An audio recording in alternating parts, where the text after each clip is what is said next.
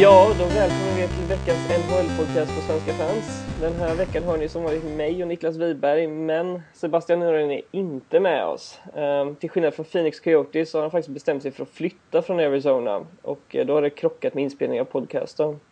Så därför skjuter vi upp genomgången av eh, lagen platserna 10 till 1 på Svenska fans på införrankingen till nästa vecka.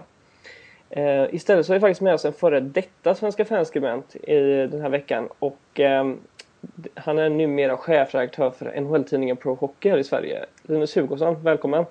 Tack ska du ha! Eh, vad säger du om att Sebastian bestämt sig för att flytta eller relocata inom USAs gränser? ja, det är väl en passande prolog till vad som väntar Phoenix kanske. Ja, inte inom USAs gränser. Jag hoppas väl att Phoenix flyttar till Quebec eller Hamilton eller något sånt där uppe i Kanada. Är det inte dags för Winnipeg att få ett andra lag? Ja, det kanske vore en fin gest. Jag vet, jag vet inte om det funkar så bra dock. um, men eh, din titel som chefredaktör talar ju för sig självt. Eh, men du, du, blev dessutom eh, lite känd eh, i höstas med debaclet med sändningsrättigheterna för. Ja. ja. Kan du berätta lite? Känd, känd eller ökänd? Jag vet inte hur man ska... Nej, det var ju... Jag, jag försökte väl ligga steget före där och rapportera om vad som hände men jag visste väl lika lite som alla andra egentligen. Eh, så. Men det var ju bra drag på bloggen på Expressen i alla fall.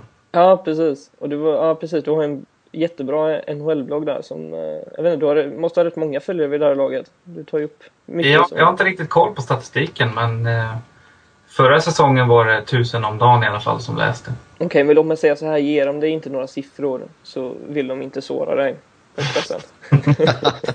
Eller så är det ett förhandlingsknep inför nästa säsong. Ja, så. precis. Nej, Linus, du har två besökare. Du, du, och, du och din fru. Precis.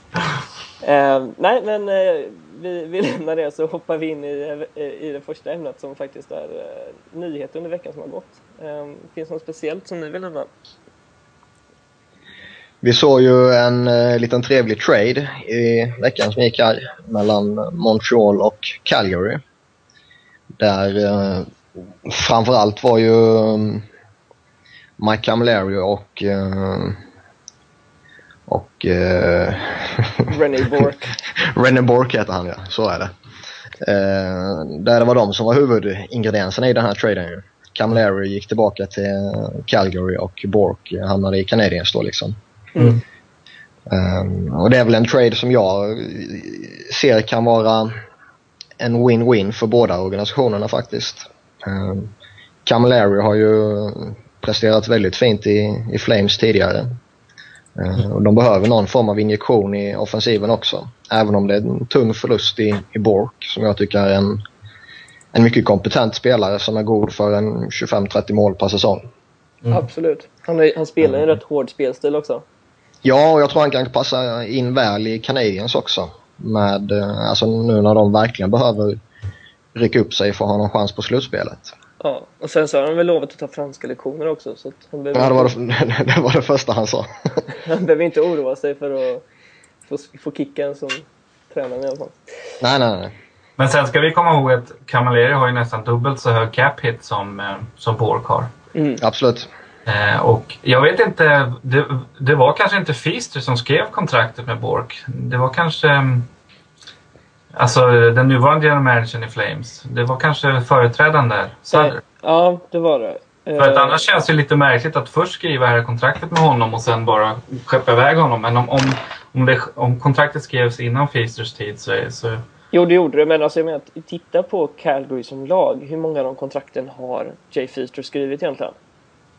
Eh, ja, det är inte så många än så länge. Nej, jag tror man kan räkna dem på, på en hand nästan. För att, eh, han har ju fått ärva det laget. Jag tror att det är därför han får sitta kvar. Liksom, även hur dåligt det än går så kommer han få sitta kvar tills han kan börja göra saker. För det är många långa kontrakt och dyra kontrakt som de inte kan bli av med.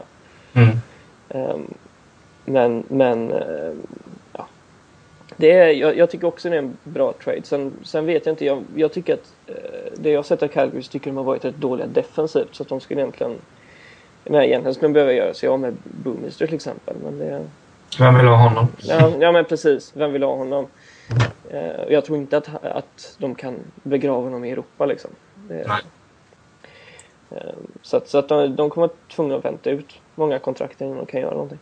Mm. Eh, en annan nyhet är väl att eh, Sidney Crosby har eh, gått på isen igen. Mm. Men han har inte haft någon kontakt med resten av laget så det är fortfarande egentligen en, en icke-nyhet. Men vad säger ni egentligen? Tycker att de är försikt, för försiktiga med honom? Finns något som för försiktigt? Eh, frågan är väl om de var för stressade egentligen när han kom tillbaka första gången. Eh, I och med att han då åkte på en, ett bakslag där ganska så efter bara åtta matcher. Mm. Eh, och vi, om vi tittar på till exempel David Perron i St. Louis, han var ju borta i 13 månader. Och Bergeron i, i Boston var ju borta ett år. Crosby var trots allt borta i 10 månader lite drygt och det var jättelång tid men, men jag har undrat med om, om det inte var att de inte stressade lite där ändå trots allt. Mm.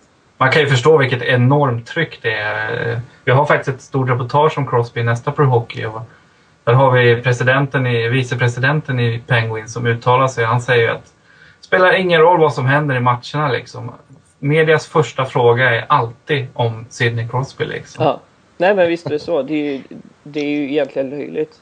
Ja. Eh, för att, för att, så var det ju, nu har det väl lugnat ner sig lite nästan efter att han har gjort sin första comeback. Men, men just under den tiden så var det ju bara varenda dag. Så Mm. var det på Twitter och på nyheter så var det Crosby inget nytt, Crosby inget nytt. Eh, de vägrar säga någonting om Crosby liksom. Det, Mm. det är ungefär som, jag jag vet inte, går det ens att jämföra med någonting i Sverige? Är det som att Zlatan skulle vara skadad och, och de bara ställer frågor om honom hela tiden? Ja, det, det kanske är en, en relevant jämförelse. Men Det är nog Nej. det närmsta vi kommer tror jag. Mm. Men det är nog inte ändå i närheten av att vara där borta i Kanada till exempel. nej, nej, det är det inte. Samtidigt så är det sammanlagt två länder med, med det, 30 gånger så mycket invånare eller ännu mer. Så att Ja, absolut. det, det blir ju svårt att jämföra så sätt men absolut, det finns, det finns mycket mer med det. Ehm, jag vet inte, vi hade någon mer nyhet tror jag va? All-star laguppställningar. Ja, den släpptes ju i veckan ju. Ehm, och de mest eh, noterbara namnen som saknas från den det är väl Niklas Lidström, Niklas Bäckström och Teemu Selänne. Mhm. Uh, Bäckström kan man väl argumentera för att han eh, saknas på grund av sin skada. Som är fallet med Ryan Nugent Hopkins och Jordan Eberle i Edmonton till exempel. Eh, men Lidström och Sellen är ju väldigt märkligt.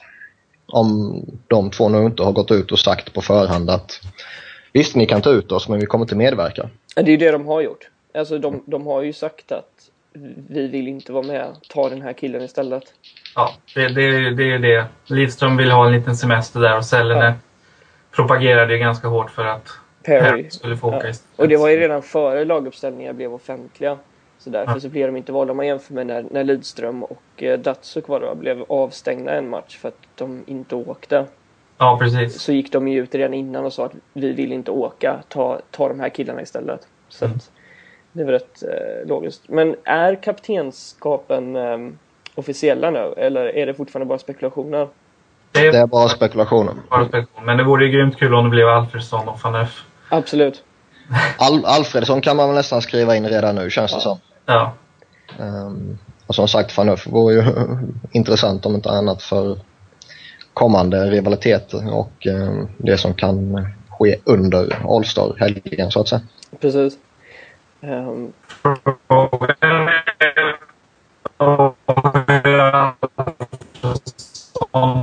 Furry lyckas få in alla sina lagkamrater i samma lag. Nu, I och eh, med att nu det är en blev hel det del lite fel där. spelare med i matchen. Linus. Men han får jobba hårt där på draften. Du får nästan ta om det Linus, för det blev något Jaha. jättekonstigt där.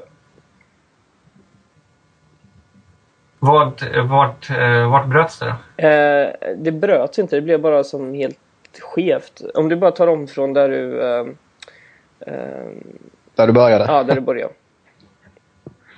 Eh, jo, frågan är väl hur, om Alfredsson lyckas få in alla sina lagkamrater i, i samma lag i draften där. ja, men det, det kanske han inte behöver. Eller? Nej, fast det var, det var ju en stor grej förra året att Ja, nej, spelar roll. Jag tycker hela, hela grejen är ganska jippoartad och lite gäspkänsla över allting. Och statusen, det skvallrar väl en hel del om statusen på All-Star-matchen att Lidström inte, inte så intresserad av att åka, Sellene vill inte åka. Om Zetterberg hade blivit uttagen hade väl åkt på en ljumskada i slutet på januari här. det, jag, jag, alltså jag beundrar NHL som jobbar hårt för att det ska funka och man kan väl ändå säga att de till viss del har, har fått att funka i och med att de har engagerat fansen så mycket. Mm. Och så är säkert nöjda men eh, statusen bland spelarna på matchen tror jag inte är särskilt hög och, och det gör det hela ganska trist ändå tycker jag. Ja men ja. Det, det, är liksom, det blir ju som en festhelg för dem. De, ja. de tar det inte så seriöst. Då kan de, kan de liksom festa med ja. varandra. Um, så att det, är väl, det är väl det de ser som positivt. De kan träffa kompisar som de inte träffar så, så ofta annars. Precis. Eller vara hemma och lediga och träffa familjen som de inte träffar så ofta. Ja, precis. precis. Det mest intressanta scenariot vi har i Alsta-matchen den här, eh, det här året är ju annars eh, nu med Mikko Koivus skada. Så börjar mm. det spekuleras eh, om att Danny Heatley kommer plockas från Minnesota istället. och där man får komma tillbaka till Ottawa efter hans flykt därifrån för några år sedan. Precis. Uh, hans första, första välkomnande blev ju inte så trevligt kanske. Nej, det var väl ingen succé precis. Nej. Men... Det, uh, det dog väl lite också. Det är klart att Ottawa glömmer ju aldrig hans svek liksom. Som de ser det. Uh, och som det väl var lite också. Men det har väl ändå ebbat ut lite eftersom han har bytt klubb igen sen.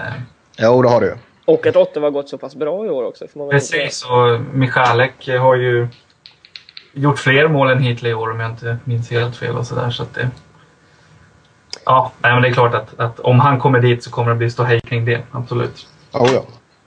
Nej, jag, jag vill ju hellre se, se Hitley utanför matchen. Med, ute på gatan och sånt. Kan jag säga. Det, det skulle, jag tycker är mycket mer underhållande. Menar, under, under, matchen kan ju inte någon faktiskt göra någonting förutom att bua, men, men ute på gatorna så kan han ju bli konfronterad liksom. Mm. Ehm, så jag tycker de ska följa honom stenhårt i sådana fall. Mm. Du får skicka in den idén till NHL-kontoret så se honom. Ja, så länge, låt honom inte leasa en Ferrari bara. uh, lite morbid skämt. Uh, ja, det, det känns väl som allt som har hänt under veckan egentligen. I, i ah, ska vi inte snacka lite Mike Green också? Ja, just det. Det har du helt rätt i. Mike Green har ju skadat sig igen.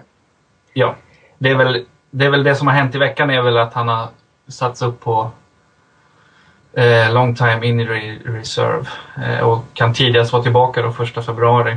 Precis. De räknar med Nej, han har opererats i, i veckan. Han, han opererar mm. eh, buken i veckan och är borta ja. fyra till sex veckor. Så var det ja, just det. Eh, men han har ju, han började eh, säsongen med att missa matcher på grund av en stukad vrist.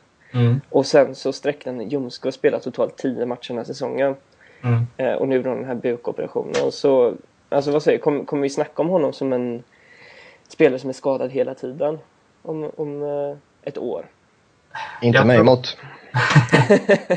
jag tror att problemet med Mike Green har ju varit att han han har ju varit målet för alla motståndare. Eh, för han är ju en sån nyckel i Capitals spel. Så att taktiken från alla lag som mött Capitals har ju varit att tackla sönder honom. Mm. Eh, och det har ju nu lyckats. Han, har, han skulle ju ha behövt ha Lidas smartheten där när det gäller att undvika tacklingar. Och Capitals hade behövt använda sig av det spelsystem som Detroit gör. Det vill säga att Lidström går ju aldrig in i, i hörnen och hämtar puck. Eh, inte för att han inte kan det utan för att de vill spara honom från det helt enkelt. Så det spelar ingen roll vilket, vilken sida som pucken dumpas i. Det är alltid Ian White som går och hämtar pucken liksom. Eh, Just det. Men det är att... samma sak med Chris Pronger när han lirar. Ja. Och det, det, hade, det hade Capitals behövt göra på Green från, från dag ett. Liksom. För då, då hade de nog sluppit en hel del av de här skadorna. Fast, ja, ja. Eh, fast finns det inte rätt mycket som Lidström har som Mike Green saknar? jo, jag bloggade om Mike Green här i, i veckan och han, jag tror att han är mycket viktigare för Capitals än vad, än vad man tror. Alltså för att nu saknar de verkligen det här första passet från egen zon upp till sina mm. duktiga forwards. Liksom. Och, eh, jag tror inte att det är en tillfällighet att Ovechkins långa formsvacka har sammanfallit med Greens skador. Sen, sen ska ju påpeka också att Green har blivit mycket bättre defensivt. Han tar ju inte samma risker som han tog för några år sedan. Eh, Eh, inte riktigt på samma sätt för alltså eh, jag vet om man när han hade sin rekordsäsong i fråga om mål eh, Mm. där så gick han ju ehm, då, då gick han ju inte tillbaka. Alltså, han, han tog ett steg framåt istället för att ta ett steg bakåt. Och det var ju det spelet som kostade honom en plats i Kanadas OS-trupp också. Precis. Ja. Men nu har han ju blivit bättre. Poäng, poängen har ju gått ner lite men han har ju blivit bättre. Defensivt skulle jag säga. Eller han spelar smartare i alla fall. Mm. Nej, han behövs tillbaka för Capital, så är det. Det tror jag. Det, det tror jag också. Det håller jag absolut med om. Då, då kan vi gå in på veckans första ämne. Nu är vi färdiga med nyheter. Eh, och eh, jag tror det var i förra avsnittet så pratade vi lite om hur spelarfacket NHLPA blockerat eh, NHLs förslag om nya eh, konferenser i ligan. Mm. Och nu och ja, det ska eh, förhandlas ett eh, nytt eh, avtal mellan spelarfacket och NHL och därför finns det en risk för eh, lockout som det var 2004-2005. Mm. Ehm, och en, en, en lockout innebär ju då till skillnad från en strejk att, att det är ägarna och klubbarna som stänger ute sina spelare istället för att eh, fackmedlemmarna inte jobbar. Så att eh, ja, det från 2005 löper ut nu och riskerar vi en ny lockout? Vad säger ni? Eh, det... Eh, ja. Eh, men men när man, man ska ha klart för sig att när, folk, när man säger lockout då tänker, jag att he, då tänker ofta folk ja men då ställs hela säsongen in. Men vi riskerar ju lockout i första hand i den meningen att säsongstarten kanske blir förskjuten eller att ett antal omgångar stryks. Jag tror inte att vi riskerar att förlora en hel säsong. Det ju- nej, det är ju väldigt extremt att förlora en hel säsong. Eh, Ja. 94-95 var ju... Eh, hur många matcher missade man då? 40, 34 matcher då. Mm. Och sen så då, är- till exempel nu senast så hade ju NBA lockout eh, fram till jul Precis. den här säsongen. Så att, Det eh, som, det som är skillnad nu från 2004 är ju, eller, är ju att ehm, det finns ett lönetak nu. Det är ju infört och klart och alla, alla trivs med det och alla tycker det är... Spelarna kommer inte kräva att det ska tas bort till exempel. Eh, det kan vi tacka Glenn Säder för. Den Ja. det.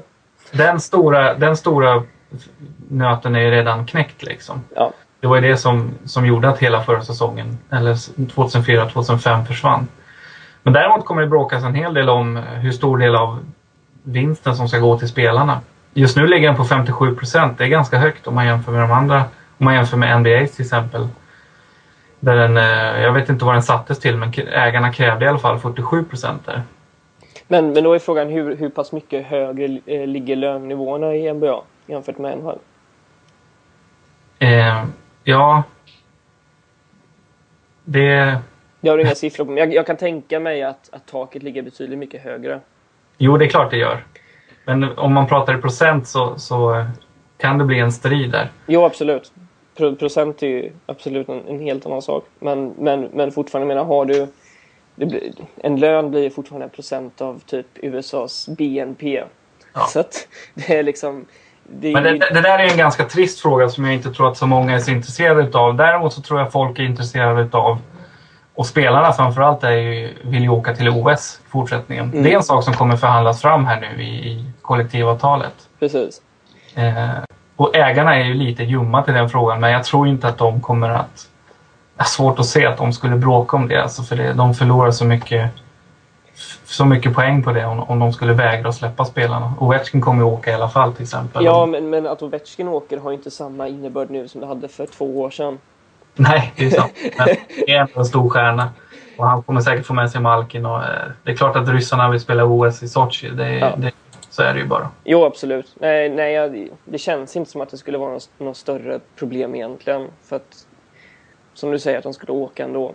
Så att Mm. det, det, de har inte så mycket val där. Utan det, det blir ju, men då blir det ju samtidigt en, en gimme från, eh, från NHLs sida. Så då måste ju NHL, NHLPA ge tillbaka någonting också.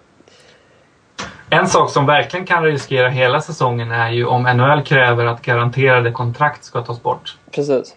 Eh, så, så att det blir som i NFL där spelarna kan bli uppsägda helt enkelt när som helst om de slutar prestera. Eh, och Men är- kontrakt blir annullerade. Ja, Eh, men är det inte så i de flesta europeiska ligorna i dagsläget? Jo, det är det är den känslan man har att spelare kan ju helt plötsligt bli uppsagda och flytta hit och dit och sådär. Så tanken, tanken finns ju i hockeyvärlden men jag tror ändå att det, det är ett ganska långt steg att ta för NHL om de skulle kräva det. Ja, Det är ju ett intressant snack också om att införa ett, eh, en möjlighet att eh, köpa ut ett kontrakt man har utan att straffas mot lönetaket. fast kommer inte det som en grej då? Är inte det en reserv ifall eh, eh, lagen inte skulle kunna lyckas få bort det här med garanterade kontrakt? Ja, jo, givetvis. Det är ju nästa givetvis. steg Men det, det, det tror inte jag kommer bli något av. Nej. Även om det vore ett eh, intressant scenario. Eh, och det skulle varit väldigt spännande att se hur det faktiskt skulle... Alltså om typ målsnittet skulle det öka, skulle spelarna gå för det mer under en, liksom en, en tråkig match i Mm. mitten på december liksom. Mm. Eh, Så jag tror nog mer på att man kommer få eh, den här eh, amnesty-möjligheten så att säga, att köpa ut ett kontrakt utan att straffas mot det. Mm. Det är fortfarande inte så mycket. Kan vi tillbaka, jag, jag vill bara förklara det här jag sa med Glenn Sather. Eh, han har ju, i, i min värld så har ju han eh, infört en enorm inflation i kontrakt i NHL.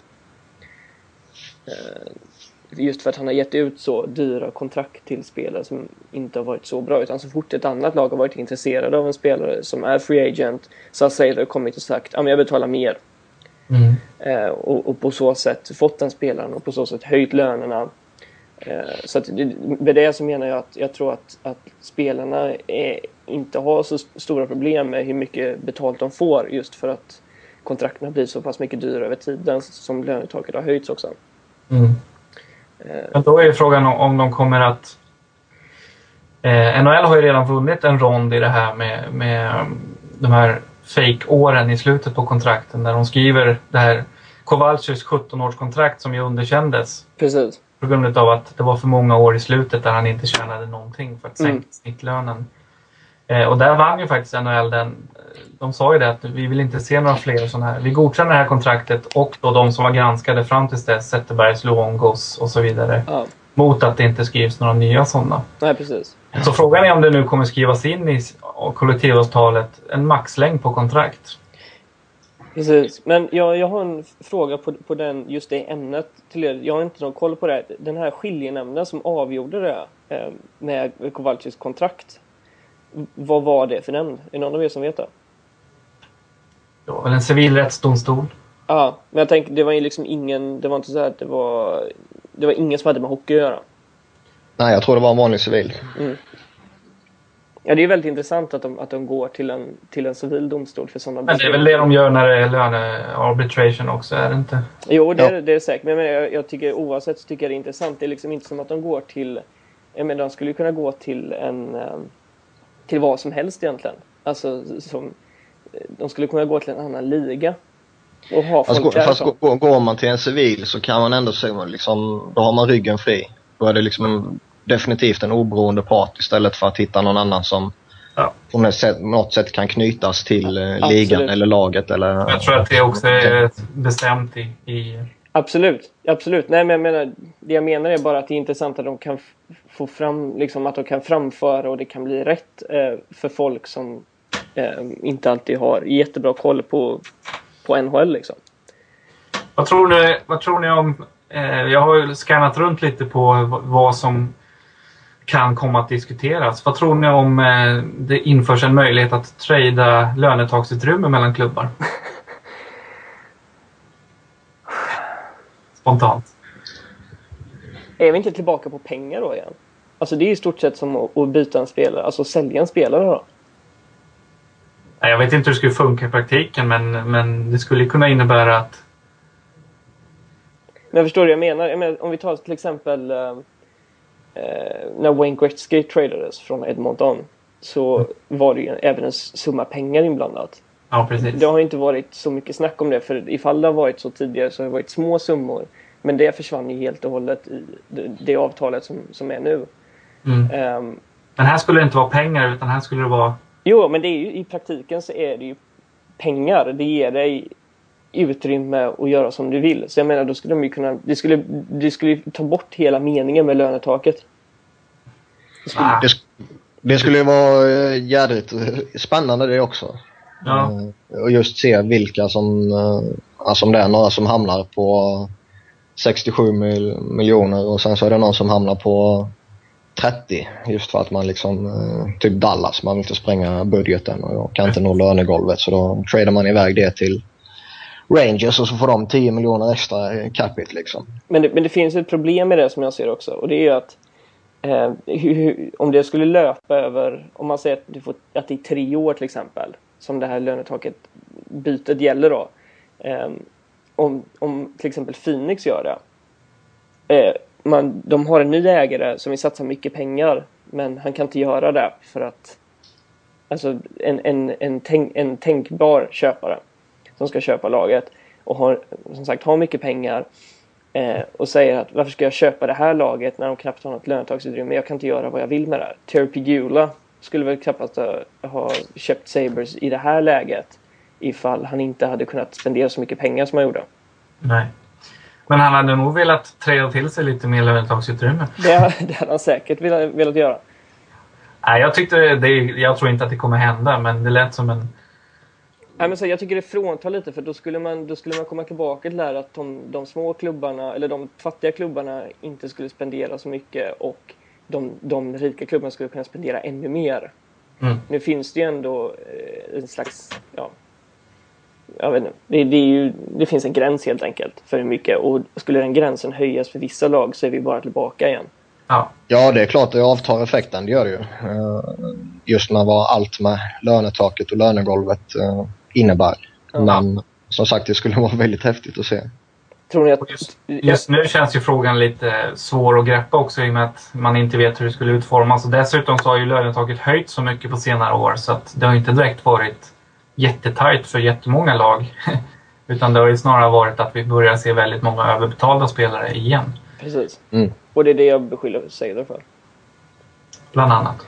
Bland annat, ja. ja. Um, men jag vill ändå påpeka att alltså, när det var lockout senast så var ju inte ekonom eh, NHLs ekonomi superbra heller. Men Nej, det, har de ju, det har de ju verkligen lyft upp nu eh, i och med de olika jipporna de har till exempel. Men, men även tack vare, alltså det, de har ju marknadsfört sig jättebra sen senaste lockouten.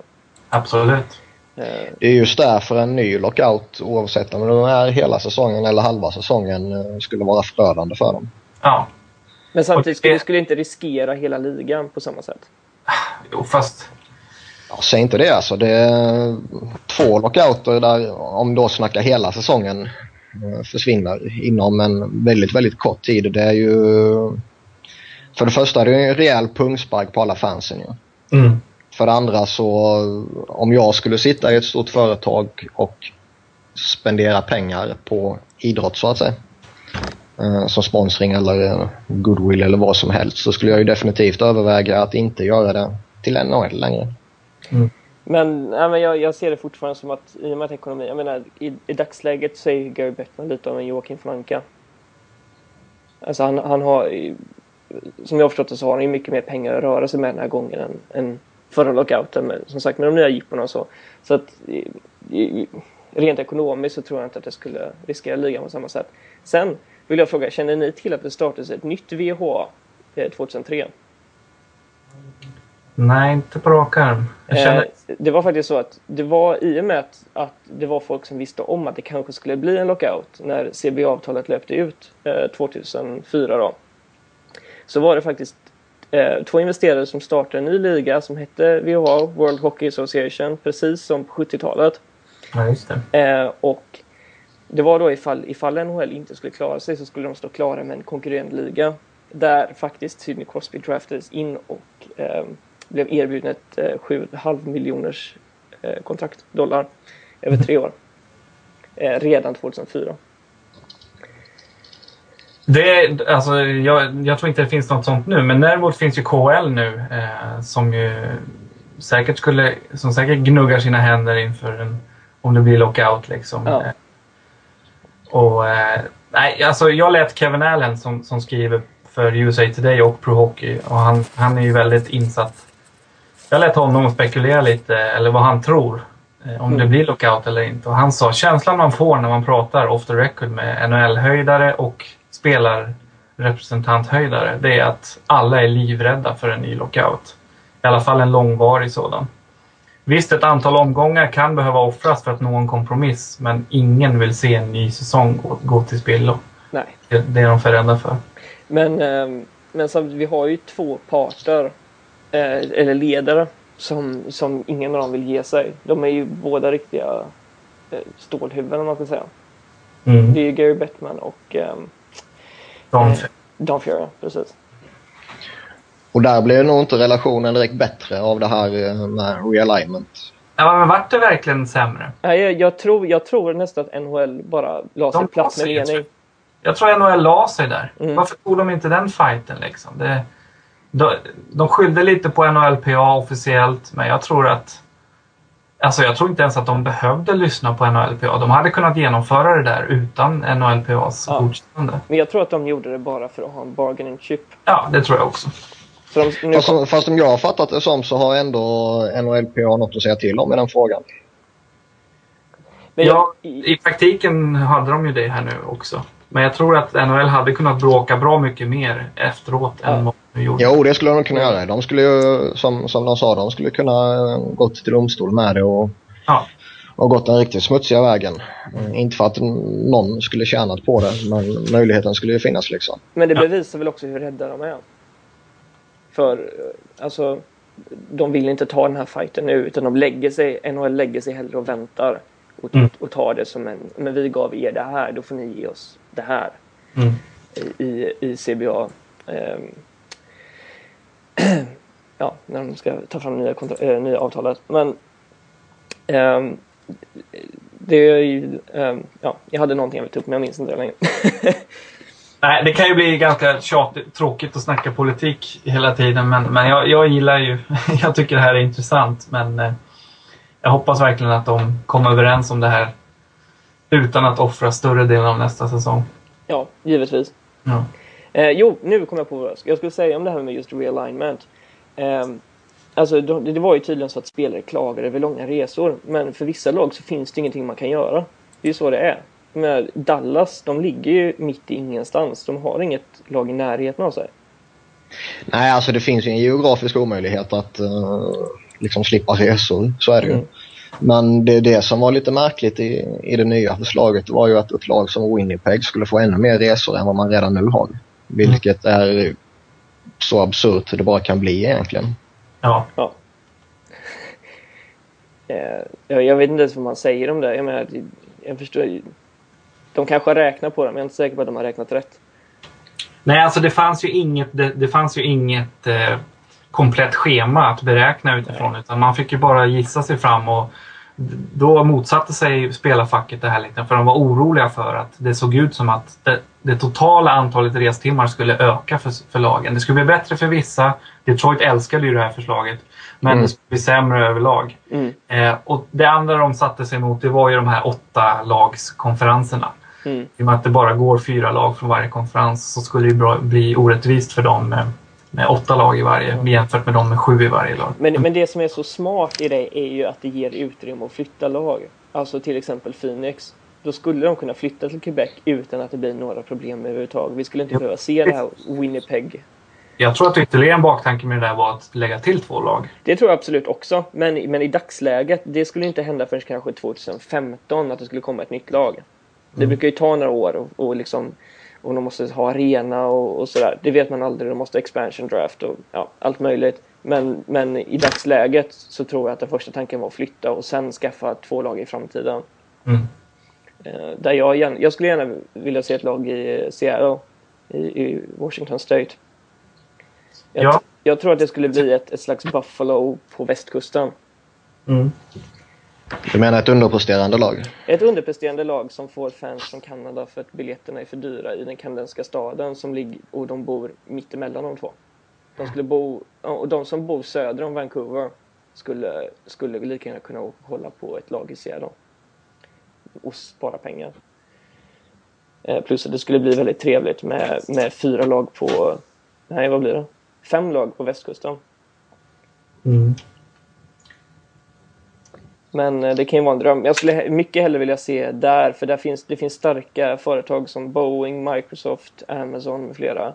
Eh, än till exempel, och och en, ett klimat som tillåter lite mer hockey än vad till exempel Kansas City gör. Skulle jag kunna tänka mig. Jag vet inte, jag har aldrig varit i, i Kansas City. Så att, Frågan är om spelarna är så pigga på ytterligare ett västkustlag. Men det, det löser sig väl.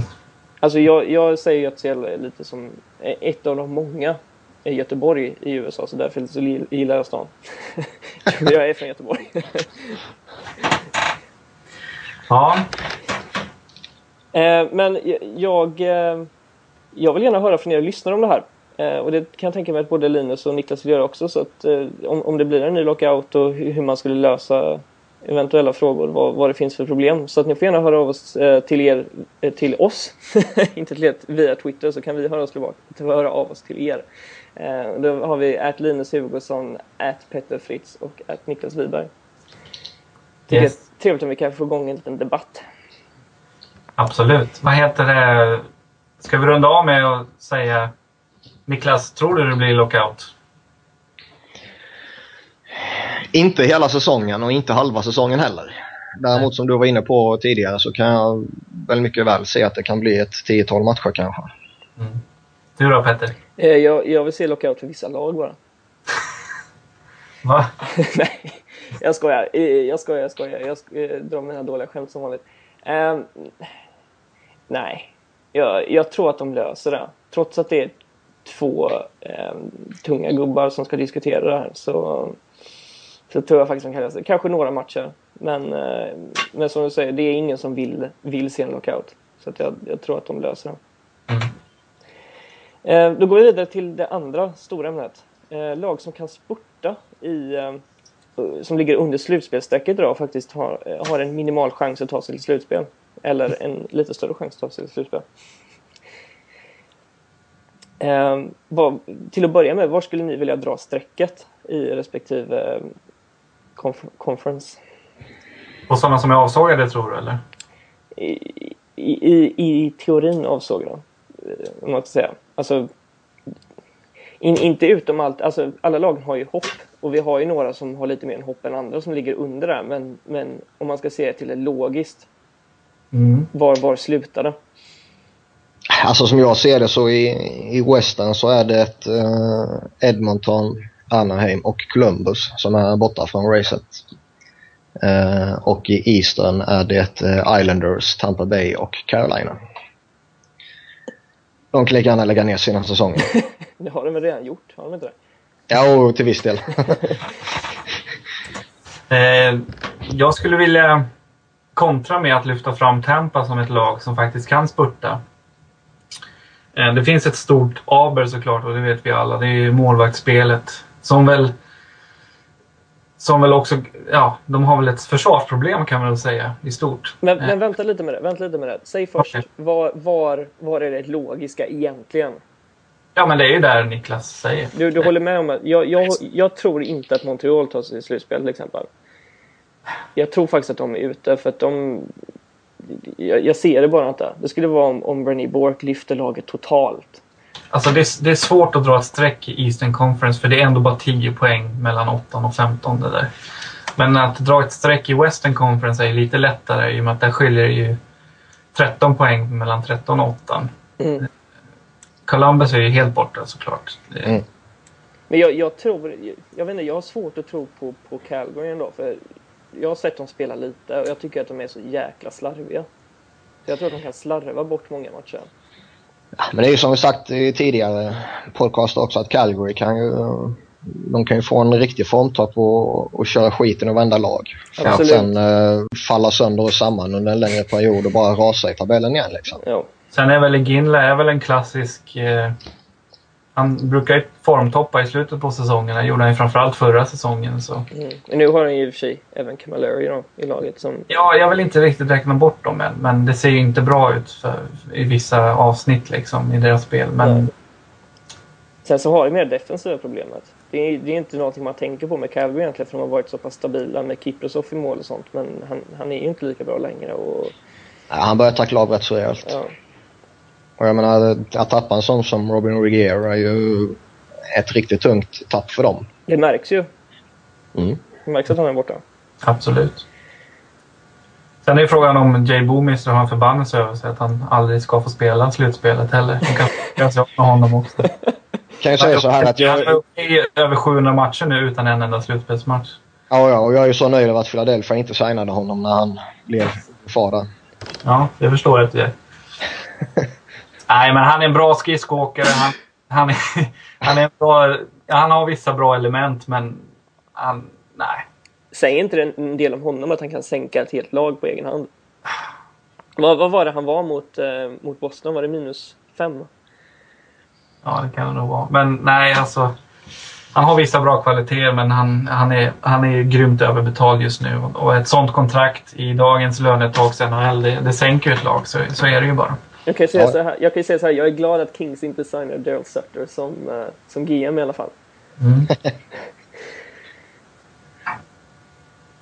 Eh, nej men, men eh, jag vet att du hade ett, ett speciellt lag som du ville lyfta fram Linus. Eh, I fråga om de som faktiskt har en minimal chans att ta sig, som ändå ligger under. Ja, vi har ju sett här nu att, att Anaheim har börjat eh, få ordning på vissa grejer eh, i sitt spel. Eh, coach Boudreau har börjat få försvarsspelet att fungera lite bättre och Jonas Hiller har verkligen visat, visat tecken på att formen är tillbaka. I januari här har han riktigt fina siffror. Eh, och Getzlaff har också börjat producera en poäng per match och där finns det ju mycket att hämta från honom. Och Corey Perry, den regerande MVPn, har, har också vaknat till liv och börjat göra mål. Men visst, så, så jag tror att Anaheim kommer att spurta.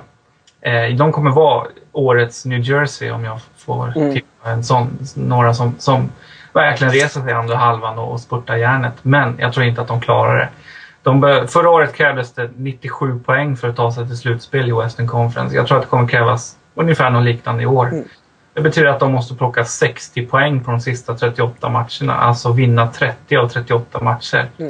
Ah, det, är, det är inte möjligt tror jag. Eh, Detroit har flest vinster i NHL just nu. De har 30, fast på 46 matcher. Mm.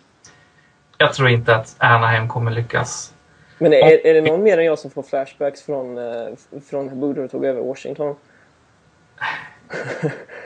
Jo visst, fast det, ju, det var ju lite annorlunda för där kommer man ju vara helt okänd. Ja, jo absolut. Nej men jag, jag tänker bara Biles, Biles, den Bilesmaj i Pittsburgh kom in och gjorde någon De var ju utanför slutspel när han tog över där och sen så tog han ju dem ända till Stanley Cup 09. Ja. Eh, det, finns ju, det finns ju bra exempel på när en coach kommer in och lyfter ett lag. Eh, men jag tror att i Anaheims fall handlar om, handlar om att stjärnorna vaknar till liv helt enkelt och börjar prestera som de ska göra. Ja. Så jag tror vi kommer se en spurt där, men jag tror inte att de kommer klara det. Kommer vi se dem sälja spelare? Nej, det tror jag inte. Och jag Det hoppas... beror, det beror ju på lite vilken situation de befinner sig i vid slutet på februari. Men, men vem skulle de göra sig av med i sådana fall? Alltså, Nej men alltså de, de har ju I sånt, en sån som François Buscemin tror jag de kan göra sig av med om han inte är villig att förlänga. Mm. De vill förlänga med honom men vill han förlänga med dem? Det är frågan.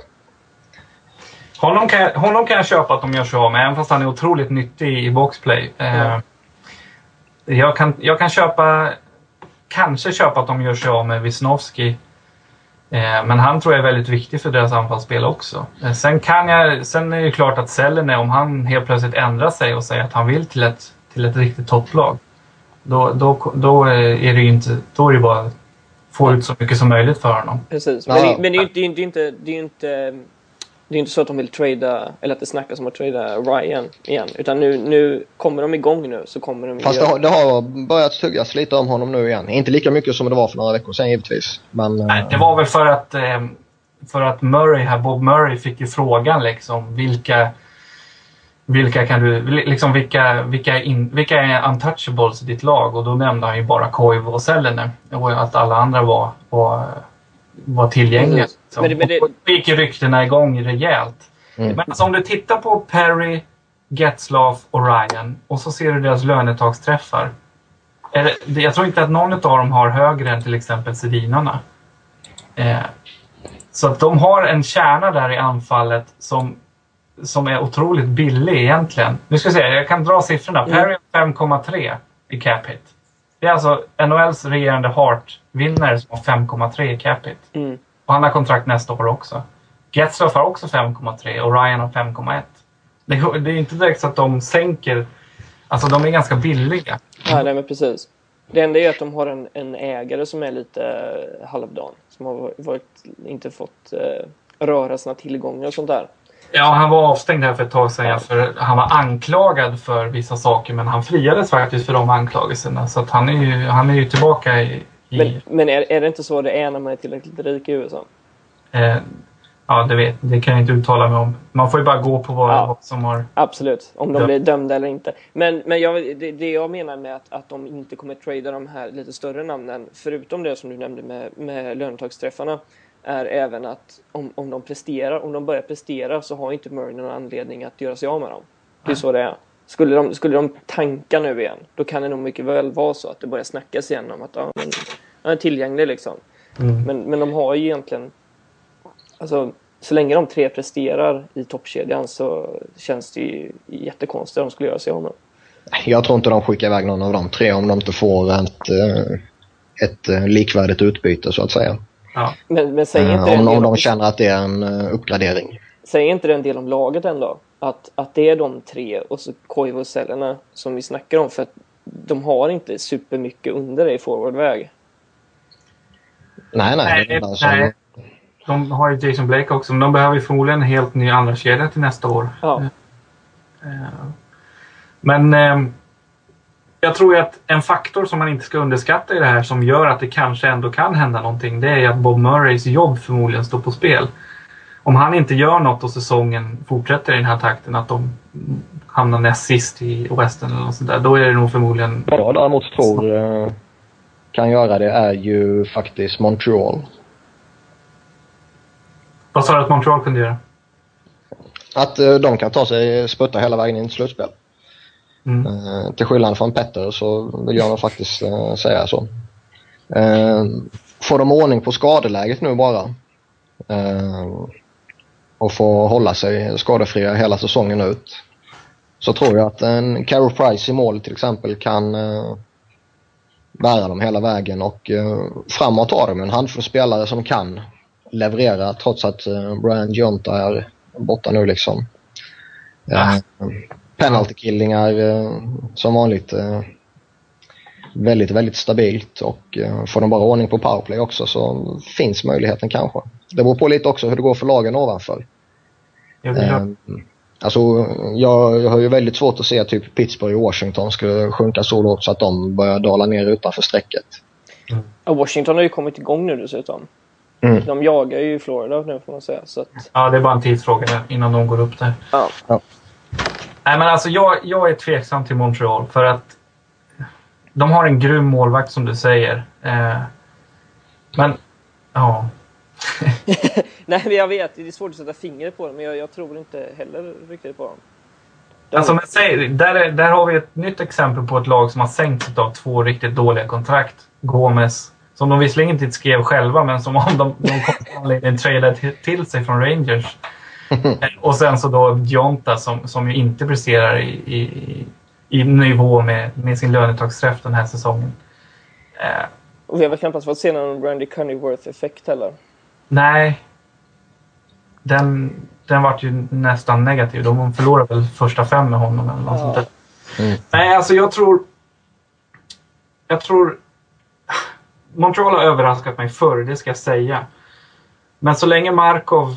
Eh, ja, Markov är nyckeln där för deras spel tror jag. Kabel Ja, kan, kan inte axla hans mantel alltså. Jag, nej, jag tror inte Montreal klarar det.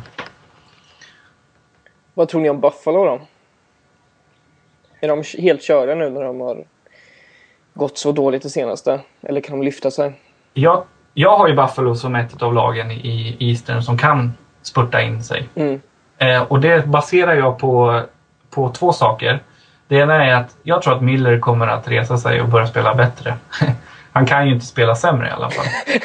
Eh, Visserligen börjar man ju tvivla lite i och med att han var ju dålig förra säsongen, slutet på förra säsongen också. Men Ja. Äh, det finns, han kan höja sig där alltså, om, om de bara hittar något felet eller vad det. Jag vet inte vad det är liksom. Men där finns det mycket sparkapital i alla fall.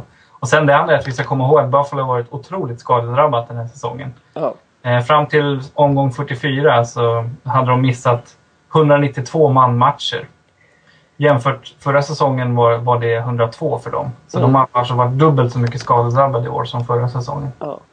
Men problemet med Miller är väl att han fokuserar eller koncent- koncentrerar sig fullt ut på hatet mot Lucic.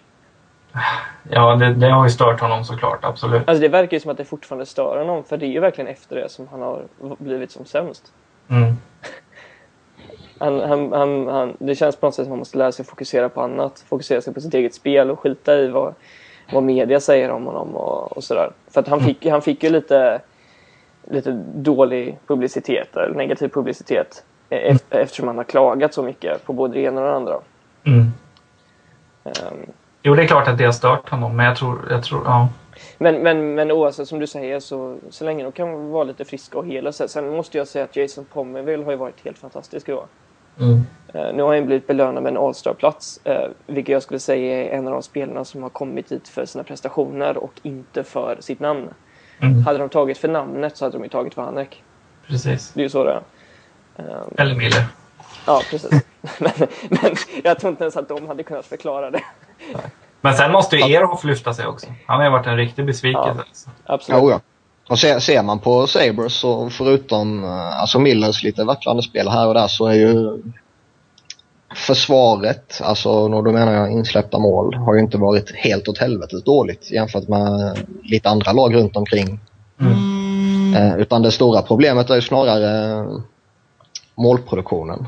Mm. Mm. Där det egentligen bara är Pominville som ni var inne på och Vanek som har eh, gjort en okej målproduktion. Luke Adam också, men det var ju bara början på säsongen. Sen har han svalnat av betydligt. Men han är ju samtidigt en rookie, så man kan ju inte belasta honom för för Nej, nej, jag lägger ingen skuld på honom. Men eh, de saknar hans eh, tidiga formtopp, gör de. Sen Absolut. har de liksom Derek Roy, Drew Stafford. Um, Stafford är en besvikelse. vad sa du? Stafford är en riktig besvikelse i år om man jämför med vad han gjorde förra året. Mm. Ja, ja, sju baljor hittills bara. Det är bedrövligt dåligt. Mm. Uh, Brad Boyce är ju en skugga av sitt forna jag. Han har gjort tre mål den här säsongen. Mm. Billy Lane har ju varit en jätteflopp. Ja, visst. Tre, tre mål han också. Mm. Det- det är Tyler, Tyler Myers pratas det förvånansvärt lite om också. Som inte heller har nått eh, den nivån som han behöver nå. Men där har vi en spelare som har haft skadeproblem också. Ja, verkligen. Ja, verkligen. Eh, det, det är rätt intressant här, vi, vi sitter och pratar mest om Eastern, för att Western är så, eh, den är ju så tight ner till, till Calgary. Ja. Så att det, det, liksom, det finns inte så mycket att snacka om där, det är helt, helt öppet. Men i Eastern så, så skiljer det sig en hel del poäng. Eh, jag vill faktiskt fortsätta på, på den eh, noten om man ska säga, och med, med Toronto som visserligen bara ligger, på, eh, som, eller bara bara, men de, de ligger just nu ett poäng utanför slutspelsplats. Så det är väl, det är väl bara. Ehm, de började ju säsongen jättebra men, men både, eller ja framförallt Kessel har ju svalnat av lite grann. Eh, vilket kanske inte förvånar någon egentligen men, men med honom så har ju Toronto svalnat av också för att det är ju egentligen bara han och Lupel som har producerat. Trea i interna poängligan är Dion Phaneuf. Mm. Så, så frågan är väl, kommer de, kommer de tappa eller kan de lyfta sig igen? Är det en rak fråga? Det är en rak fråga till er. Kan de De- ta sig till slutspel trots att de, trots att de bara ligger ett poäng utanför? Kom, kommer de ta sig till slutspel? Jag säger nej. Det, Jag tror inte det, heller det. Nej, det vi såg i början av säsongen var ett lag som överpresterade. Vi såg en, en backuppsättning som överpresterade framför allt. Eh, och jag, nej, jag tror inte att de... Och nu när, nu när Lupol och, och ehm, Kessel, de har väl gått poänglösa i tre raka matcher båda två tror jag. När, och de har Mm. förlorat alla de tre matcherna. Ja. Alltså, de, de är för svaga bakåt helt enkelt. Ja. Eh. Jag, jag har klankat ner mycket på monstret Jonas Gustafsson i, i min blogg, men nu har ju han höjt sig den senaste tiden. Eh, Visserligen har han förlorat de senaste matcherna, men, men han... Ja, jag gillar det jag ser om honom den här gången, med den, den senaste tiden, men jag tror han, han är fortfarande för ojämn för att kunna lyfta dem till slutspelet. Är det, är, är det ett eh, career year vi ser från Gustafsson för att han ska få stanna i NHL? Ja, han måste hålla i det här hela vägen ut för Ja. att... Annars kommer han hamna i Europa någonstans. Kan man Ja. Eh, men, men, men det här med, jag vill bara ta upp det med FNF. Han blev ju framröstad av spelarna som den mest överskattade spelaren i ligan. Och, Mm. Vad säger ni om det? Håller ni med om det? Niklas, du får prata Alltså, lite. Fanuff har ju, jag tror fortfarande att eh, han i mångas ögon är den Fanuff han var mot slutet i Calgary och i början hos Toronto. Eh, han har höjt sig betydligt. Nu är han en eh, väldigt, väldigt kompetent försvarare tycker jag. Han har lagt ner det här att jaga en big hit varenda byte liksom. Eh, och har börjat eh, producera på en bra jämn nivå nu igen liksom. Ja. Och de ser väl till kontraktet också, hur, hur pass mycket han tjänar. Men, men det är Ja, alltså i, i och med att cap hit eh, är så oerhört viktigt nu så har ju lite eh, överskattad och överbetald blivit samma grej. Precis. Pl- Plus det här faktumet också, jag skulle säga att han spelar i Toronto. Så därmed så kan han säkert vara överskattad i, bland Toronto, Toronto-fansen. Mm. Eh, Jo, jo, men, absolut. men jag håller med dig om att han har blivit jättestabil. Jag menar som sagt, han ligger trea i interna poängligan i Toronto också. Så att det är inte bara det att han är stabil defensivt, han är även duktig offensivt. Och han smäller fortfarande med, med tacklingar ibland också. Men han tar dem i rätt tillfälle oftast. Jag tyckte den, det, utnämningen av spelarna kändes ungefär ett år gammal. Ja, Eh, Förra säsongen hade jag nog kunnat köpa om, om, han, om han hamnade högt på en sån lista. Men i år är han inte... Jag skulle fortfarande inte ta med honom på en topp 10-lista över NHLs bästa backar. Men kanske topp 15. mm. Jag tycker han verkligen har lyft sig och det, det, det är kul att se faktiskt. Eh, För han är en riktigt bra back. Alltså, han var ju otroligt bra i Calgary där i början av karriären. Ja, men det är väl på något sätt nästan som att man unnar honom det. För han, han, var, han var jättebra i Calgary under sina första år. Sen dippade han ordentligt, blev tradad till Toronto. Det var väl ingen som trodde... Man tänkte väl att ah, ja, nu kommer det gå sådär. Sen har han lyft sig. Mm, Och jag, jag vet inte, jag, jag tycker det är kul att se. Faktiskt. Ja. absolut. Hade ni något mer lag som ni ville prata om? Eller, eller har vi... Ja, Jag snackade lite om Tampa där innan. När, Ja. För tidigt. Mm. Men eh, det tycker jag... Iceman behöver ju göra samma sak som han gjorde förra säsongen när, när Rollerson, Dwayne Rollerson kom in och blev deras frälsare i målet. Nu i år har han ju inte alls kommit upp i samma nivå. Så de behöver en ny målvakt helt enkelt. Mm. Fixar han det på något vis så tror jag nog att de kan spurta. Ska de, ska de se till eh, en yngre eller äldre lösning? De ska se till en lösning helt enkelt. Jag tror inte att åldern är nog viktig där. Sen så får de sätta sig ner i sommar och verkligen hitta en kanske mer långsiktig lösning. Jag, jag menar, jag, jag tänker till exempel Jonathan Bernier sitter ju på bänken i Los Angeles i stort sett varje kväll. Jag, jag kan tänka mig att han kan vara ett tätt byte för många lag som behöver hitta någon att- att ersätta med. Jag vet inte hur Tampas framtid ser ut i målet. Men... Eh, Ja, den är ju ganska så tunn. ja. eh, Nej, jag tror, jag tror ju Bernier... Jag tror nog mer att Schneider, Corey Schneider i Vancouver skulle vara intressant. För han, har lite mer, han är lite mer testad i NHL. det är han eh. absolut, men, men problemet där är väl att Vancouver inte vet vad som händer med Longo. Jo, jag tror att de satsar på Longo. Jo, ja, men De har ju inget att välja på med det kontraktet. Nej, utan de kommer försöka... De kommer försöka det är en svår avvägning för dem. De måste ju se till att Schneider har högt tradevärde. Innebär, att- innebär det att vi får se Eddie Leck på bänken i Vancouver? Det är väl det som talar emot att Schneider blir tradad den här det, var, det var dit jag ville komma. Ja. Det, man, man kan ju spekulera också lite om det här var vi inne på tidigare med Amnesty-möjligheten. Eh, Det är kanske det Vancouver sitter och väntar på. Ja. Ja, men det, Och, där, och därför håller kvar i Schneider. Precis, det, det, är lite, det är lite det jag tänker på. Att vill, vågar de verkligen trada bort Schneider för att man vet inte hur Longo kommer se ut i framtiden. Har, om, om han är katastrofal en säsong så kanske de vill köpa ut men om har, har de då den Amnesty-möjligheten så... Eh, jag har svårt att se Schneider trada den här säsongen i alla fall. Men jag, jag kan naturligtvis ha väldigt mycket fel. Fast angående Tampa där så målvakt är ju rätt givet att de måste plocka in en. För uh, varken Rolosson eller Garan håller ju någon egentlig klass numera. Mm. Uh, jag vill hävda att de behöver plocka in en, uh, en back till. Som de gjorde i fjol också med Eric Brewer. Som har klev in direkt och höjde dem och nu har de ju skadeproblem både till höger och till vänster i De har ju saknat. Mattias Ölund hela säsongen till exempel. Mm. Och enligt rapporterna där så verkar det inte vara någon jätteförbättring. Nej. Att Kom, vänta kommer, in de, kommer de till, se till Long Island för en målvaktslösning igen? Vad- vad- Vem skulle de plocka in där då, tänker du? Nabokov. Det tror jag, ja. Känns inte det som precis samma grej som att ta in Rosen egentligen? Som förra säsongen? Var så här halvdan. Fast grejen är att Rolson han hade ju ändå bevisat förra säsongen i Islanders att han var en kompetent målvakt. Ja. Jag tycker inte att uh, Nabokov har visat det denna säsongen. Nej. Nej, Nabokov känns lite passé. Jag skulle bli förvånad om de satsade på honom som, som eh, räddaren. Men en back, absolut. Eh, Men där, fin- där men finns det är många som vill ha en back. ja, möjligheterna Så är ju oändliga. Det är ju så. Det, går- det går liksom inte att säga på rak arm att det kommer bli... Det finns många att välja mellan och det finns många som vill ha backar så att det kommer ju bli ett lotteri skulle jag vilja säga. De slog ju Boston i natt kan vi ju säga, 5-3. Ja, de Mm. ligger inte sist i Eastern längre. Nej, de ligger eh, Näst sist. näst sist. De är, det är tre lag på 40 poäng längst ner. Precis. Um, Carolina som spelar 48, Tampa som har spelat 45 matcher och Islanders som spelar 44. Eh, men Tampa har ju... De, de måste lyfta sig. De är, de är ju rätt bra på hemmaplan. Det är ju bortaplan som de har enorma problem. Jag tror, att, jag tror att det är den här Tesla-generatorn eh, som, som har lyft dem hemma. Alltså, ja, Ni, ni har sett den va? den här i, i orgeln? Nej. Vad pratar du om? Nej, nej, nej.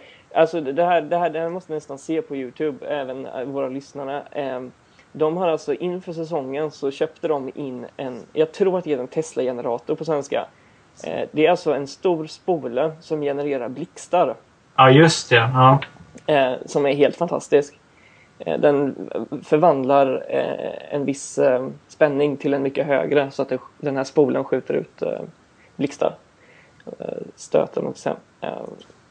Jag, vet inte, jag tror då att får ju Iceman helt enkelt antingen köpa en sån portabel eller får man köpa en Ha en sån på bänken va? Ja, Nej, men om man ska gräva ner sig i en detalj där med hemma och borta så är det otroligt intressant att kolla på deras powerplay-statistik som ju Mm. är ett av de bästa på hemmaplan men absolut sämst på bortaplan. De har över, jag tror de har 20-21% på hemmaplan och 7-8% på bortaplan. Hur, hur kan det komma sig liksom? Det, det tycker jag är hur märkligt som helst. Ja. I vissa dagar finns det ingen förklaring till. Nej. De behöver den här Tesla, eh, portabla Tesla-generatorn.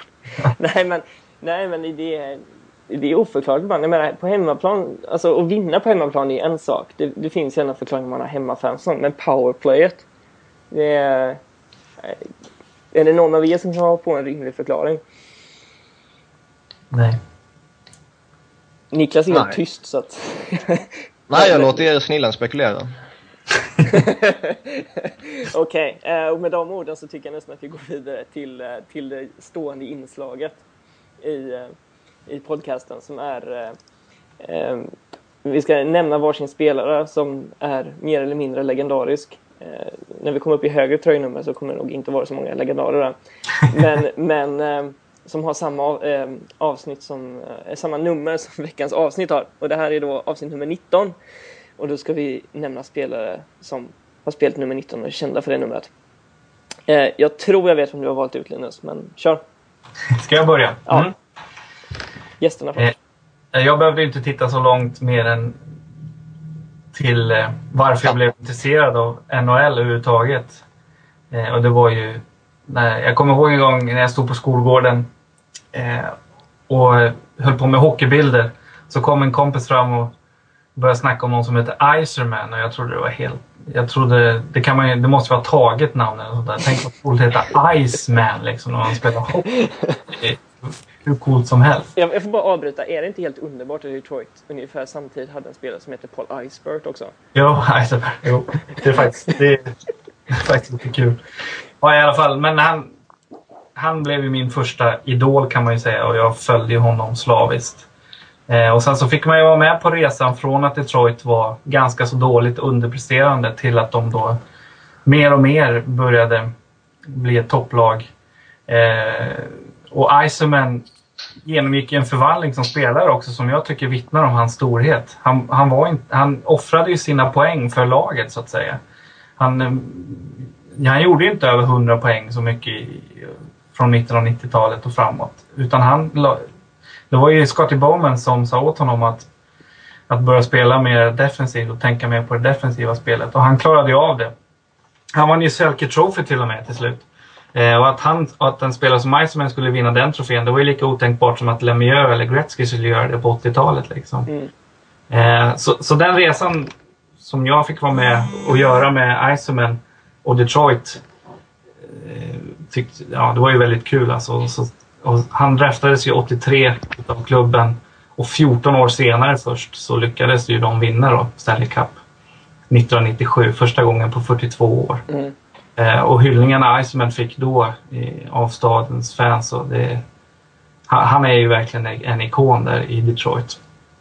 Eh, och jag har fått förmånen, jag har förmånen att träffa honom några gånger och även intervjuat honom. Och, eh, det är ju faktiskt, han är, han är ju otroligt professionell eh, när man intervjuar honom. Man får inte riktigt grepp om hur han är som person så liksom, utan han är otroligt vältalig och så. Men äh, Steve Eisenman var för mig en, en, eh, en idol kan man lugnt säga. Eh, så att, att det är ganska självklart att jag väljer honom som nummer 19. Det, det var rätt nämnvärt också att han blev kapten i så pass ung ålder och ledde jo, laget. Han, han var ju den spelare de satsade på från början och, och det, det, det, han omgärdades ju alltid av trade-rykten eh, på 90-talet. Liksom. Men jag tror aldrig att det var aktuellt egentligen i, i lagledningen. De visste att han var deras franchise-spelare. Liksom. Mm. Jag tittade på hans eh, tröjhissning här bara på Youtube och lyssnade på Scottie Bowmans tal. Eh, och han lyfte då fram eh, Stanley Cup-slutspelet 2002 eh, då, då Iceman i stort sett liksom behövde rullas runt i rullstol mellan matcherna för att han inte kunde gå. Han hade så en ganska allvarlig knäskada då. Men spela match, det skulle han göra. Ja. Eh, och hans, äh, Scottie sa det, jag, jag har aldrig sett en sån spelare. Under alla mina år som coach har jag aldrig sett en sån spelare som kunde spela med en sån hög smärta som Iceman gjorde. Det finns ju faktiskt en, en Toronto-spelare som spelar med brutet ben. Ja, Bobby Brown ja. ja precis. Avgjorde en Stanley Cup-final. Men det var, det var innan Scottie Bowmans tid. Det är sant, det är sant. Ja, nej, så att Steve Eisenman för mig är, eh, en högt aktad spelare. Mm. Nej, det tror jag han är över hela ligan. Han är ja. enormt respekterad och, och, nu är han ju även respekterad som eh, general manager också. Mm. Ja, det har gått bra denna säsongen. Ja. ja, nu behöver vi inte ta det så långt, men jag, jag, tror inte att, jag tror faktiskt inte att det har skadat hans rykte på något sätt. Nej, han har ju fortfarande sitt OS-guld att köra upp i ansiktet på Wiberg om han är alltför kaxig med den här säsongen. Så. Nej, men visst, han är en av de här... han är en av de up and coming eh, general manager-stjärnorna, absolut. Eh, men det är klart att han, han möter utmaningar där också, precis som han gjorde som spelare. Mm. Eh, och hur han svarar på de utmaningarna kommer ju bestämma hans rykte som general manager. Jag tror inte att det kommer fläcka ner hans rykte som spelare, om man säger så, om han misslyckas som general manager. Nej. Det är inte många som tycker sämre om Gretzky som spelare bara för att han visar sig vara en medioker coach. Liksom. Nej, precis. Um, ja, vem har du sett ut Niklas? Så snälla, säg inte Rick McLeish. Ja, alltså jag slets ju mellan uh, mitt hjärta och uh, min hjärna under gårdagen när jag satt och tittade lite på vem jag skulle ta. Uh, hjärtat säger ju klockrent Rick McLeish. Den finliraren i Broad Street Bullies på 70-talet. Kom ihåg vad jag um, sa också, att du har inget hjärta, du har ett svart hål format som ett utdraget P med fjädrar. Min motsvarighet till hjärta då. Men eh, sen eh, är det ju faktiskt så att eh, Brian Trottier och eh, Joe Sakic är också aktuella. Och jag valde faktiskt eh, Colorados motsvarighet till Steve Iceman kan man väl säga då. I mm. Joe Sakic. Mm. Uh, och det är lite som Iceman, alltså han behöver ju egentligen inte någon presentation i sig.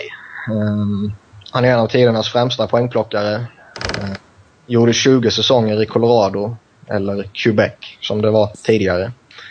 Uh, han var lagkapten under 18 av dem. Och um, handledsskottet var ju, alltså det var ju äckligt när han snattade till det. Ja. Um, han gjorde 50 mål vid två tillfällen och 40 mål vid ytterligare tre tillfällen och tog sig över 100 poäng sex gånger. Tog Avalanche till två Stanley Cup-titlar. Eh, 96 och 01 och eh, 96 så vann han ju Conn Smythe Trophy efter 34 poäng på 22 matcher. Där 18 mål? 18 mål och 16 assist ja. Vilket är helt brutalt bra alltså. Ja, det är fruktansvärt. Alltså som han var det slutspelet alltså. Oj, oj, oj. Ja. Eh, 01 så fick han ju Harch Trophy och Leicester B Person Award också. Ja. Eh, när han vann Stanley Cup där, men då var ju Patrick Roy som tog eh, Conn Smythe Trophy från honom då. Mm. Eh, 02 vann han OS-guld, utsett till turneringens viktigaste spelare. Mm. Mm. Två mål i OS-finalen har jag för mig. Mm. Mm. Eh, medlem av eh, Triple Gold Club då också. Ja. Känd, han är ju känd som Captain Clutch också. Ja, han klev ju alltid fram när det liksom gällde som var mest i, i framförallt Och, slutspel. och, och av det du har räknat upp så finns det inget som motsäger det. Nej, verkligen inte. Och alltså, men sen samtidigt, eh, det starkaste minnet jag personligen har från Joe Sakic, det är ju inte eh, när han avgör någon match eller när han gör något vackert mål eller något sånt, utan det är ju när han eh, får Stanley Cup-trofén och lämnar över den till Ray Bork Mm. 2001. Mm. De bilderna är väl så klassiska det bara kan bli. Ja. ja. Det är en av de... Det är ju ett, ett av de starkaste ögonblicken som jag har varit med om också i, under alla år man har följt NHL. Så otroligt fint av honom. Han lyfte den inte ens över huvudet utan Nej. han bara, han bara gav den direkt till Ray Bork. Han visste vad den handlade om. Ja, ja. Nej, det, var, det var faktiskt stort. Otroligt stort. Ja, då, jag har också valt ut en spelare, tror det eller ej. Eh, jag har då fastnat vid eh, Big Bird, som han kallas. Larry Robinson. Eh, smeknamnet Big Bird kom inte helt oväntat, för han var lång, stor och hade blont hår. Eh, och Big Bird är ju... Jag, jag vet faktiskt inte ens vad han heter på svenska, men, men det är ju från Sesame Street. Ja. He, vad, vet du, du som har barn, Linus? Nej, Sesame Street går väl inte riktigt på TV nu för tiden. Så jag Nej, Okej. på det det, det var när jag var liten. Eh, Okej, jag vet inte vad den heter på svenska, men det är den stora gula fågeln i alla fall. Jag tror att alla som har sett Sesame Street vet vad jag talar om. Det, det är därifrån det kommer. Eh, och eh, Robinson draftades av Montreal 1971, gjorde sin debut med laget året efter. Och spelade han med Canadiens ända fram till 89. Innan var det var det ner i Los Angeles under tre säsonger, tror jag. Eh, under de 17 säsongerna i Montreal så vann han hela sex Stanley Cup-titlar. Ja. Och ja, vad säger man? På 1348 matcher gjorde han eh, 958 poäng. Som, som back då. Eh, han, är, ju- han är ju känd för sina offensiva räder som han gjorde. Eh, jag har faktiskt inte lyckats hitta några bilder på det. Eftersom jag knappt var född när han la, la ner. Men, men jag tänker mig något i stil med Bobby Orr. Att han byggde vidare på det. Plus då att han hade den här stora fysiken som gjorde att han kunde tacklas och, och hålla en bra defensiv nivå, en väldigt hög defensiv nivå. Han är väl på, nå- på något sätt en slags arketyp för hur en duktig tvåvägsförsvarare fungerar. Mm. Ehm, och eh, ja, för, för, för, för det han gjorde och, och hans, ja, hans spelstil och all, all, allting egentligen, hela paketet, så blev han 98 utsedd den 24 bästa spelaren i NHL genom tiderna. Mm. Eh, vilket är av, av The Hockey News, vilket är helt enormt egentligen. Eh, sen, då att, sen då när han efter han la av så blev han assisterande tränare i eh, New Jersey och vann Stanley Cup med dem 95. Så gick han vidare till eh, Los Angeles och var tränare, huvudtränare där några år efter det. Eh, för att sedan bli huvudtränare i New Jersey i, eh, och vann en till Stanley Cup med laget 2000. Och hans totalt nionde Stanley Cup-titel kom 2003 som assisterande tränare, återigen med New Jersey. Så hans, mannen har vunnit sex Stanley Cup-titlar som spelare och tre på bänken. Det är alltså, det är, för, min, för min del så är det helt mind-blowing. och det är en, en, en enorm bedrift. Så att, eh, ja, jag vet inte, jag kanske inte ska säga så här men jag, på något sätt så har jag svårt att hitta någon som är, är mer värd att vara med när vi räknar upp spelare så här. Ja, det skulle vara Rick McLeish i så fall. Eller Alexa Yashin kanske? Vet, vet du vem som inte får vara med i framtiden Niklas? Om du fortsätter så här. Shoot. Ja, det är ju du. Nej, men Larry Robinson är ju... Vi kan ju bara fråga Adam Larsson vad han tycker om Larry Robinson. Han har ju honom som assisterande tränare nu i, i, eh, New Jersey. Jag kan tänka mig att det är en guldgruva för en rookie som Larsson att få komma dit och coachas varje dag utav Larry Robinson. Liksom. Och Robinson har ju varit med. Han var med under den tiden det gjordes alldeles för mycket mål. Mm. Eh, han är, om, om jag inte minns fel, jag, jag, kan mycket väl ha fel, men jag tror och jag har för mig att det är så att han är tidernas plus minus-ledare också. Och ändå så vann han bara ligans plus minus en enda gång. Så han höll alltså en jämn nivå genom hela karriären i stort sett. Mm. Eh, och har nästan, han har ja, lite under ett plus minus per match. I positivt.